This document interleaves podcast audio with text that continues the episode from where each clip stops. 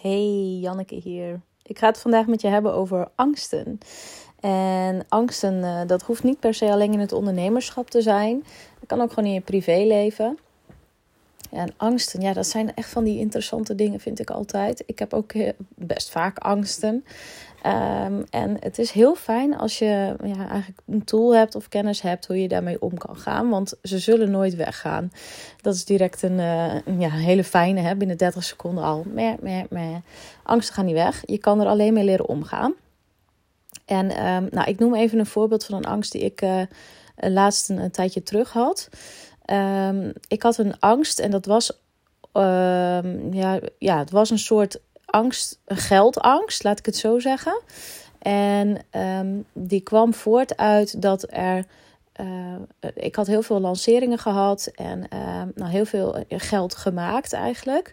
En voor de, voor de maanden daarna zag ik niet echt nieuwe dingen uh, klaarstaan om, om zeg maar geld inkomsten te krijgen. En er waren wel wat dingetjes die gewoon doorlopen, maar niet echt nieuwe dingen in de pijplijn, zeg maar.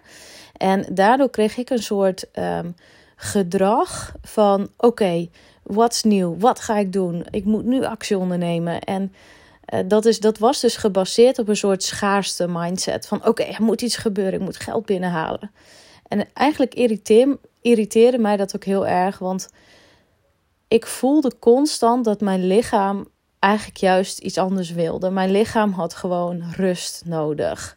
Zeker nu ik uh, deze twee maanden in Europa ben en ik ben niet alleen maar op één plek. Ik ben bijna elke week ergens anders. En dat betekent, dat vraagt heel veel van mij fysiek ook. Uh, en ook vooral van mijn energieniveau en balans en alles erop en eraan. Um, en die twee maanden reizen, dat ik, ik zou eigenlijk. Word ik helemaal gek als ik dan ook nog nieuwe dingen moet doen. Of nieuwe dingen moet lanceren. Of cursussen opnemen. Of weet ik het wat. Ik zou niet eens weten hoe ik dat, hoe ik dat moet doen. Dat zeg ik eerlijk. En daarbij, ik wil ook heel graag genieten van de tijd die ik nu heb met familie, met vriendinnen. Um, en er zijn ook gewoon heel veel dingetjes die, ja, die moeten. En dat klinkt een beetje stom en verwend. Maar ik moest bijvoorbeeld naar Estland voor de zaak. Uh, ik ga op retreat naar Ibiza. Uh, ik ga nog naar een vriendinnetje in Spanje. En dat zijn, daarom zeg ik, klinkt een beetje dom, die moetjes. Maar ik bedoelde gewoon mee te zeggen dat ik eigenlijk deze twee maanden helemaal geen tijd heb om om met volle enthousiasme en volle energie nieuwe dingen op te gaan pakken. En dus ik voelde aan de ene kant fysiek in mijn lichaam dat er rust nodig was. Maar in mijn hoofd was er een soort van machine die, die maar aan bleef staan van je moet nu uh, iets verzinnen. Want anders, nou dat. En, wat, en, en bij mij duurt dat altijd even, dat duurt echt wel een aantal dagen. Totdat ik eindelijk voor mezelf ga luisteren naar eigenlijk naar wat is er nou eigenlijk echt aan de hand. Dus uh, die angst, zeg maar, ik weet dan dat dat vanuit een bepaalde angst is, een bepaalde onrust. Hè? En als je dan dieper gaat vragen naar jezelf van ja, wat is die onrust dan precies, dan komt daar dus uiteindelijk angst uit. Um, op dat moment kan ik een, een, een soort oefening met mezelf doen en dat helpt mij altijd heel erg. En dat is eigenlijk een NLP-tool. En dat is om dat gevoel die je hebt, die emotie die je hebt, dat even uit je lichaam te halen. Want dan is het niet meer, dan ben jij niet meer die emotie, maar dan, dan staat het zeg maar voor je of naast je. En dan kan je dat los van elkaar koppelen. Dus kijk, een, een emotie is altijd tijdelijk. Ook leuke emoties, maar ook negatieve emoties. En negatieve emoties hebben nou eenmaal de valkuil dat, um, dat wij. Uh, ja, dat, dat dat ons belemmert in onze gemoedstoestand. Kijk, alle emoties, ook positieve, die, um, uh, die hebben invloed op ons gedrag, op ons denken en handelen en alles wat we doen en keuzes die we maken. En als we natuurlijk een positieve emotie hebben, dan hebben we er niet zoveel last van. Uh, maar als het, gaat, als, het, als het vanuit een negatieve emotie komt, bijvoorbeeld angst of boosheid of verdriet, dan, uh, ja, dan is ons gedrag meestal niet echt wat we heel, waar we heel blij van worden. Nou, dat gezegd en hebben we um, wat ik meestal dus doe, is ik probeer een gesprek aan te gaan met die angst. Dus niet die angst helemaal zijn en ownen. Dus ik haal eigenlijk het los van mijn eigen identiteit, van Janneke. Dus ik voel waar die angst zit. Nou, misschien zit dat in mijn buik, of bij mijn hart, of bij mijn hoofd, of in mijn keel. En ik voel daar even mee en ik connect daarmee. En ik, ik doe eigenlijk net alsof ik het zo uit mijn lichaam haal en het zo voor me neerzet. En het kan helpen om daar ook een visueel beeld van te maken. Hè? Dus hoe visueler je dit ondersteunt, hoe beter eigenlijk. Dus je kan daar een, een poppetje van maken of een persoon. Ik eh, doe soms wel eens gewoon een naam, zo van hallo. en dan de naam van, nou daar ben je weer, wat fijn dat je er bent. Dus ik, en daarmee koppel ik het eigenlijk los van mij, van mijn zijn. Nou, dat werkt al heel goed. En dan kan je er dus een gesprek mee aangaan van... Oké, nou, vertel eens even. Wat wil je mij vertellen? Waarom ben je hier? Uh, wat is jouw positieve intentie van, hè, met wat je tegen mij wil vertellen? Uh, wil je me ergens van behoeden? Of weet ik het? Hè, er zijn altijd redenen waarom dat er is. Maar probeer dat dus um, ja, antwoorden op te krijgen. En probeer daarmee ook te vragen van... Wat heb ik precies nodig hierin? Want... Um, bijvoorbeeld het stukje uh, wat ik had, dat stukje angst van oké, ja, ik ben bang, ik weet gewoon niet wat er dan over een poos gaat komen en dat geeft mij een beetje onrust en nou, dat zat er allemaal achter van waarom is die angst hier nu en op, op een gegeven moment wist ik dus het antwoord van waarom het er was. En daarna, wat ik dan meestal doe, en zeker als het gaat om geld, maar dit kan je voor alles toepassen. Uh, is dat je daarna gaat kijken: oké, bedankt angst voor jouw uh, aandeel in, in dit. Je ziet het echt als een, als een persoon die jou een, een mening geeft, eigenlijk. Maar dat betekent niet dat je die hele mening zo klakkeloos één op één hoeft over te nemen. Zie het echt als een discussie met een persoon. Dus je bent met die persoon in gesprek. En diegene die zegt dingen. En sommige dingen kan je in vinden, andere misschien wat minder. Uh, maar jij gaat nu voor jezelf bepalen hoe jij hierin wil staan. En ook wat daarin belangrijk is, is want je gaat dan een bepaald standpunt innemen. Een standpunt ga je altijd innemen op basis van wat jij ervan weet of jouw kennis. En wat er dus moet gebeuren om je dus niet te laten leiden door die negatieve emotie, die angst. Uh, moet je gaan zorgen dat jij kennis gaat ophalen. Dus hoe denk ik over dit onderwerp? Of wat is de status eigenlijk? Dus wat ik concreet heb gedaan toen is kijken naar, naar mijn. Uh, ik heb een money document. Dat is een, niet een boekhoudprogramma. Ik heb wel een boekhoudprogramma. Wat ik merk aan boekhoudprogramma's is dat het vaak een soort registratietool is. Uh, dat gaat veel over wat er is gebeurd. Maar ik vind dat heel fijn om ook, dat heb ik nodig om ook in de toekomst te kunnen kijken. Dus ik heb daar gewoon een Excel-bestand voor. En daar zet ik al mijn kosten in en mijn inkomsten. Alles wat er al is gebeurd. Wat er al is betaald. Wat er is binnengekomen. Maar ook wat ik de komende maanden kan verwachten. Ook aan inkomsten. Uh, want ik verkoop uh, bijvoorbeeld één op één trajecten en een aantal klanten die betalen dat in termijnen, dus per maand. Dus ik weet dat ik het, de komende maanden een bepaalde omzet krijg. Dat bedoelde ik met, er is, zijn wel dingen, maar niet nieuwe dingen. Dus er is wel omzet, maar geen nieuwe dingen. En ik ben nou eenmaal een persoon die dan onrustig wordt. Of hè, dan wil ik weer nieuwe dingen doen. Um, wat wil ik nog even vertellen? Oh ja, dat money document. Dus dat zijn inkomsten en, en dus de, uit, de uitgaven. En dus ook voor de komende tijd. Dus meer toekomstgericht, zodat ik weet wat, er, wat ik dus eigenlijk kan verwachten. En dat ik ook weet van oké, wat is mijn speelruimte?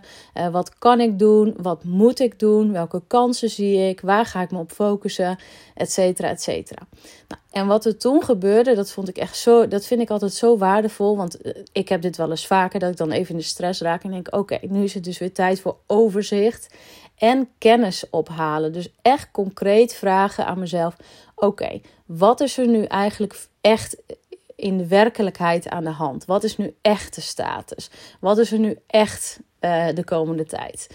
Uh, dus dan mag je, hoe concreter, hoe beter. Dus bijvoorbeeld, ik noem even het voorbeeldje van had ik laatst ook in de stories gedeeld, van de gasprijzen. Hè, dat de, dat de, gasprijzen omhoog gaan.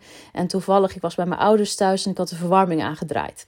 Nou, mijn vader die, die kwam eh, beneden en die zei, wat heb je nou gedaan? Weet je hoe duur dat is? Dus dat is echt een emotie. Er zit angst onder en, en ook onzekerheid van, oh my god, wat gaat er allemaal gebeuren de komende winter? En um, het grappige is, is dat we heel vaak op basis van die informatie dus gaan handelen.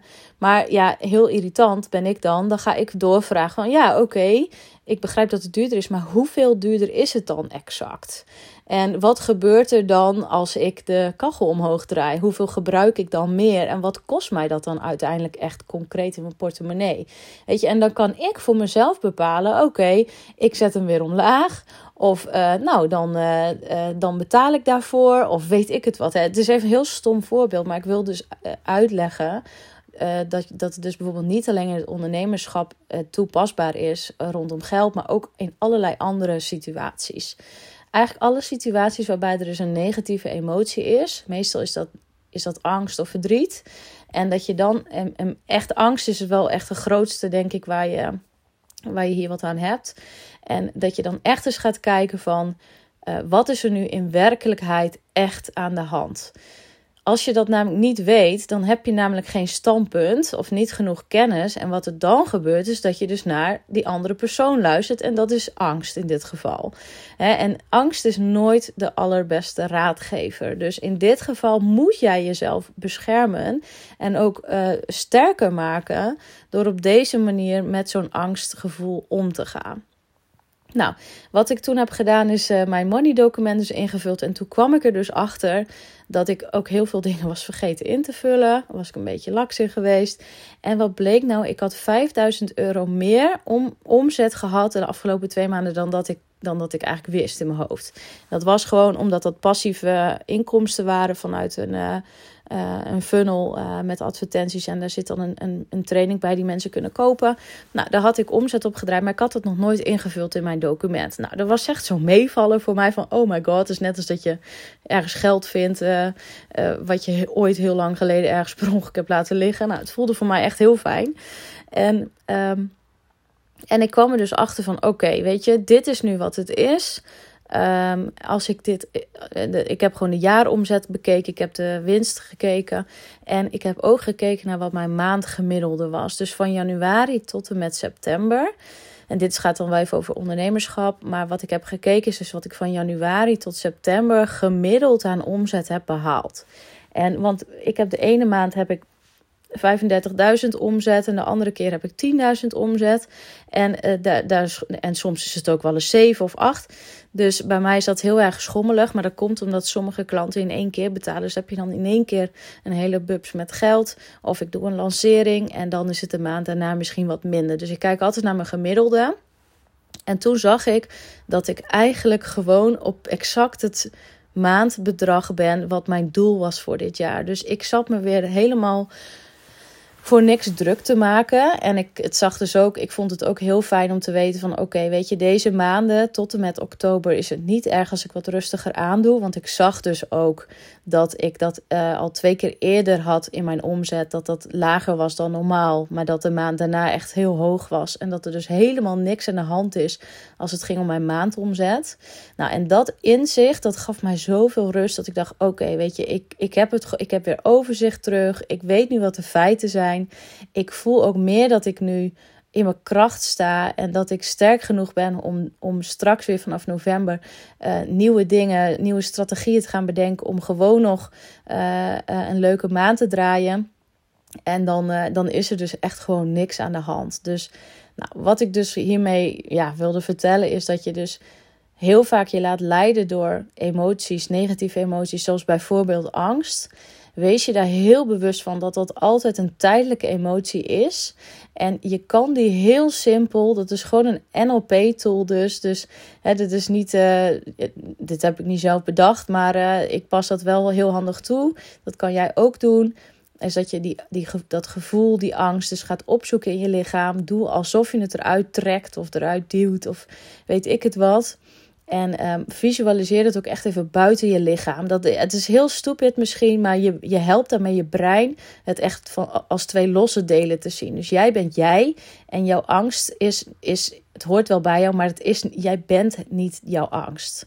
Dus daar, eh, ja, daar wilde ik iets over delen vandaag. Dus ik hoop dat je er iets leuks aan hebt, aan, hebt gehad. Dat ik je leuke inspiratie heb gegeven.